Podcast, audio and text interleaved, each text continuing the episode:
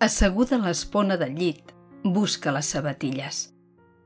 A les fosques, els peus flirtegen amb el calçat fins a encaixar-hi a la perfecció.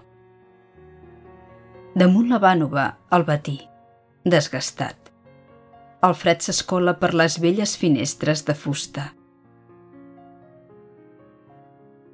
Surt de l'habitació i va cap al bany.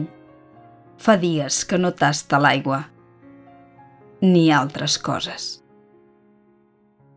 Es recull la blanca melena en un monyo i entra a la dutxa. Prema amb força l'agafador mentre l'aigua freda, la paga no dona per a gaires luxes, li activa el cos, cansat de viure. En acabat, amb mans tremoloses, es vesteix i es pinta els llavis. Avui serà diferent avui tindrà companyia. No pas del marit que la va abandonar després de 30 anys junts, ni dels fills que no va tenir, ni tampoc de les amigues que s'estan en una residència. No, de cap d'ells. Vindrà i parlaran una estona, com cada sis mesos. Es veuen poc, pensa.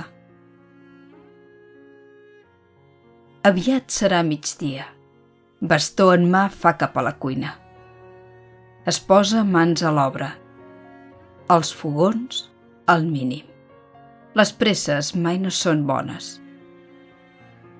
Quan ho té tot en marxa, seu a la butaca i tanca els ulls. Només li cal esperar. Enviaran la mateixa noia de benestar social aquesta vegada?